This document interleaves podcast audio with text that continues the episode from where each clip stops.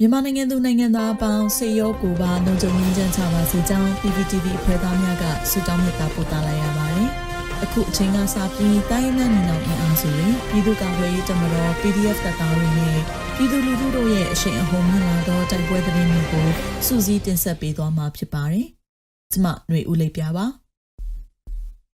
ပထမဦးစွာမောင်တော်ရှိစစ်ကောင်စီတပ်ကိုအေအေကတိုက်ခိုက်ရဲမှုတအူအလက်နက်ချအညံခံမှုအပါအဝင်14ဦးဖမ်းမိပြီးလက်နက်ခဲယမ်းများတင်ဆက်ရမိတဲ့သတင်းတင်ဆက်ပါမယ်။ရခိုင်ပြည်နယ်မောင်တော်ရှိစစ်ကောင်စီတပ်ကိုအေအေကယနေ့တိုက်ခိုက်ရာရဲမှုတအူလက်နက်ချအညံခံမှုအပါအဝင်14ဦးဖမ်းမိကြောင်းလက်နက်26လက်လက်နက်ခဲယမ်းများတင်ဆက်ရမိကြောင်း Arkan Princess Media ၏သတင်းဖော်ပြချက်အရသိရှိရပါတယ်။ အဆိုပါတိုက်ခိုက်မှုသည်ကရင်ပြည်နယ်ရှိအေအေစခန်းကိုလေရင်ဖြစ်ဘုံကျဲမှုအပေါ်လက်တုံပြန်တိုက်ခိုက်ခြင်းဖြစ်ကြောင်းအေအေပြောခွင့်ရခိုင်တုခကတရားဝင်ထုတ်ဖော်ပြောဆိုထားတာပါ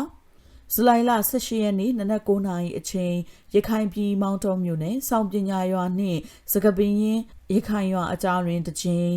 နနက်10:30မိနစ်အချိန်မောင်တော်မြို့နယ်ဒုံကလာရွာနဲ့ဝက်ကျင်းရွာအကြားတွင်တစ်ချိန်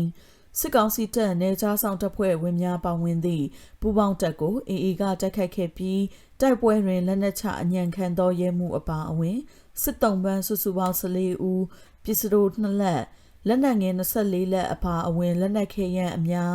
အများအပြားစစ်သုံးဆောင်ပစ္စည်းများကိုတင်ဆက်ရမည်သည်ဟုသိရှိရပါသည်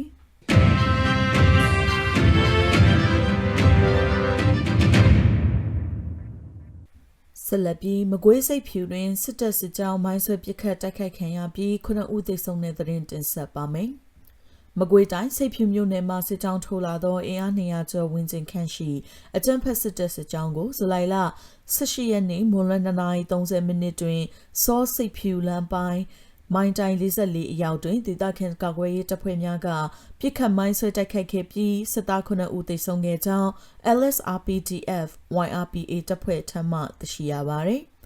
စစ်တပ်စစ်ကြောင်းကို LSRPDF တပ်ဖွဲ့ကစောစိတ်ဖြူလမ်းပိုင်းမိုင်းတိုင်း44တွင်ပြစ်ခတ်တိုက်ခိုက်ခဲ့ပြီးနောက်မိုင်းလေးလုံးဖြင့်ထပ်မံဖောက်ခွဲတိုက်ခိုက်ခဲ့ခြင်းဖြစ်ပြီးစစ်သား9ဦးသေဆုံးကအများအပြားထိခိုက်ဒဏ်ရာရရှိခဲ့တာပါ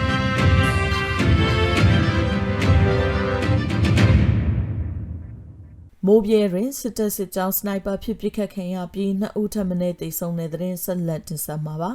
ရှမ်းပြည်နယ်နှင့်ကယားပြည်နယ်အဆက်မိုးပြဲမြို့ပေါ်သို့စစ်ကြောင်းထိုးလာသောအကြမ်းဖက်စစ်တပ်ကို PDF တပ်ဖွဲ့နှင့်ကရင်နီကာကွယ်ရေးတပ်ဖွဲ့များက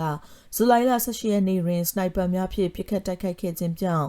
စစ်သား2ဦးထပ်မံသေဆုံးခဲ့ကြောင်းမိုးပြဲပြည်သူ့ကာကွယ်ရေးတပ်ဖွဲ့ထံမှသိရှိရပါသည် မနက်9:00နာရီဝန်းကျင်တွင်အကြမ်းဖက်စစ်ကောင်စီတပ်မှပစ်ခတ်လိုက်သောလက်နက်ကြီးကြောင့်စီကားတရက်ကွက်နေအိမ်တစ်လုံးမီးလောင်ကျွမ်းခဲ့ကြောင်းသိရှိရပါသည်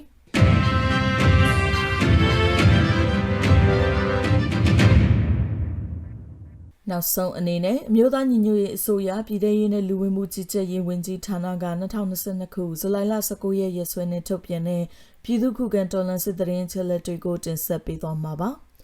အာနာသိန်းအကြံဖက်စစ်အုပ်စု၏ပြည်သူလူထုအပေါ်အကြံဖက်ဖိနှိပ်ဖန်ဆီးတိုက်ခိုက်တပ်ဖြတ်နေမှုများကိုပြည်သူလူထုတရက်လုံးကအသက်ရှင်သန်ရေးအတွက်မိမိကိုယ်ကိုမိမိခုခံကာကွယ်ပိုင်ခွင့်ရပြည်သူခန့်စစ် People Defensive War ကိုဆင်နွှဲလျက်ရှိပါတယ်။တရင်ချက်လက်များအရ18ရက်9လ2022တနင်္လာနေ့တွင်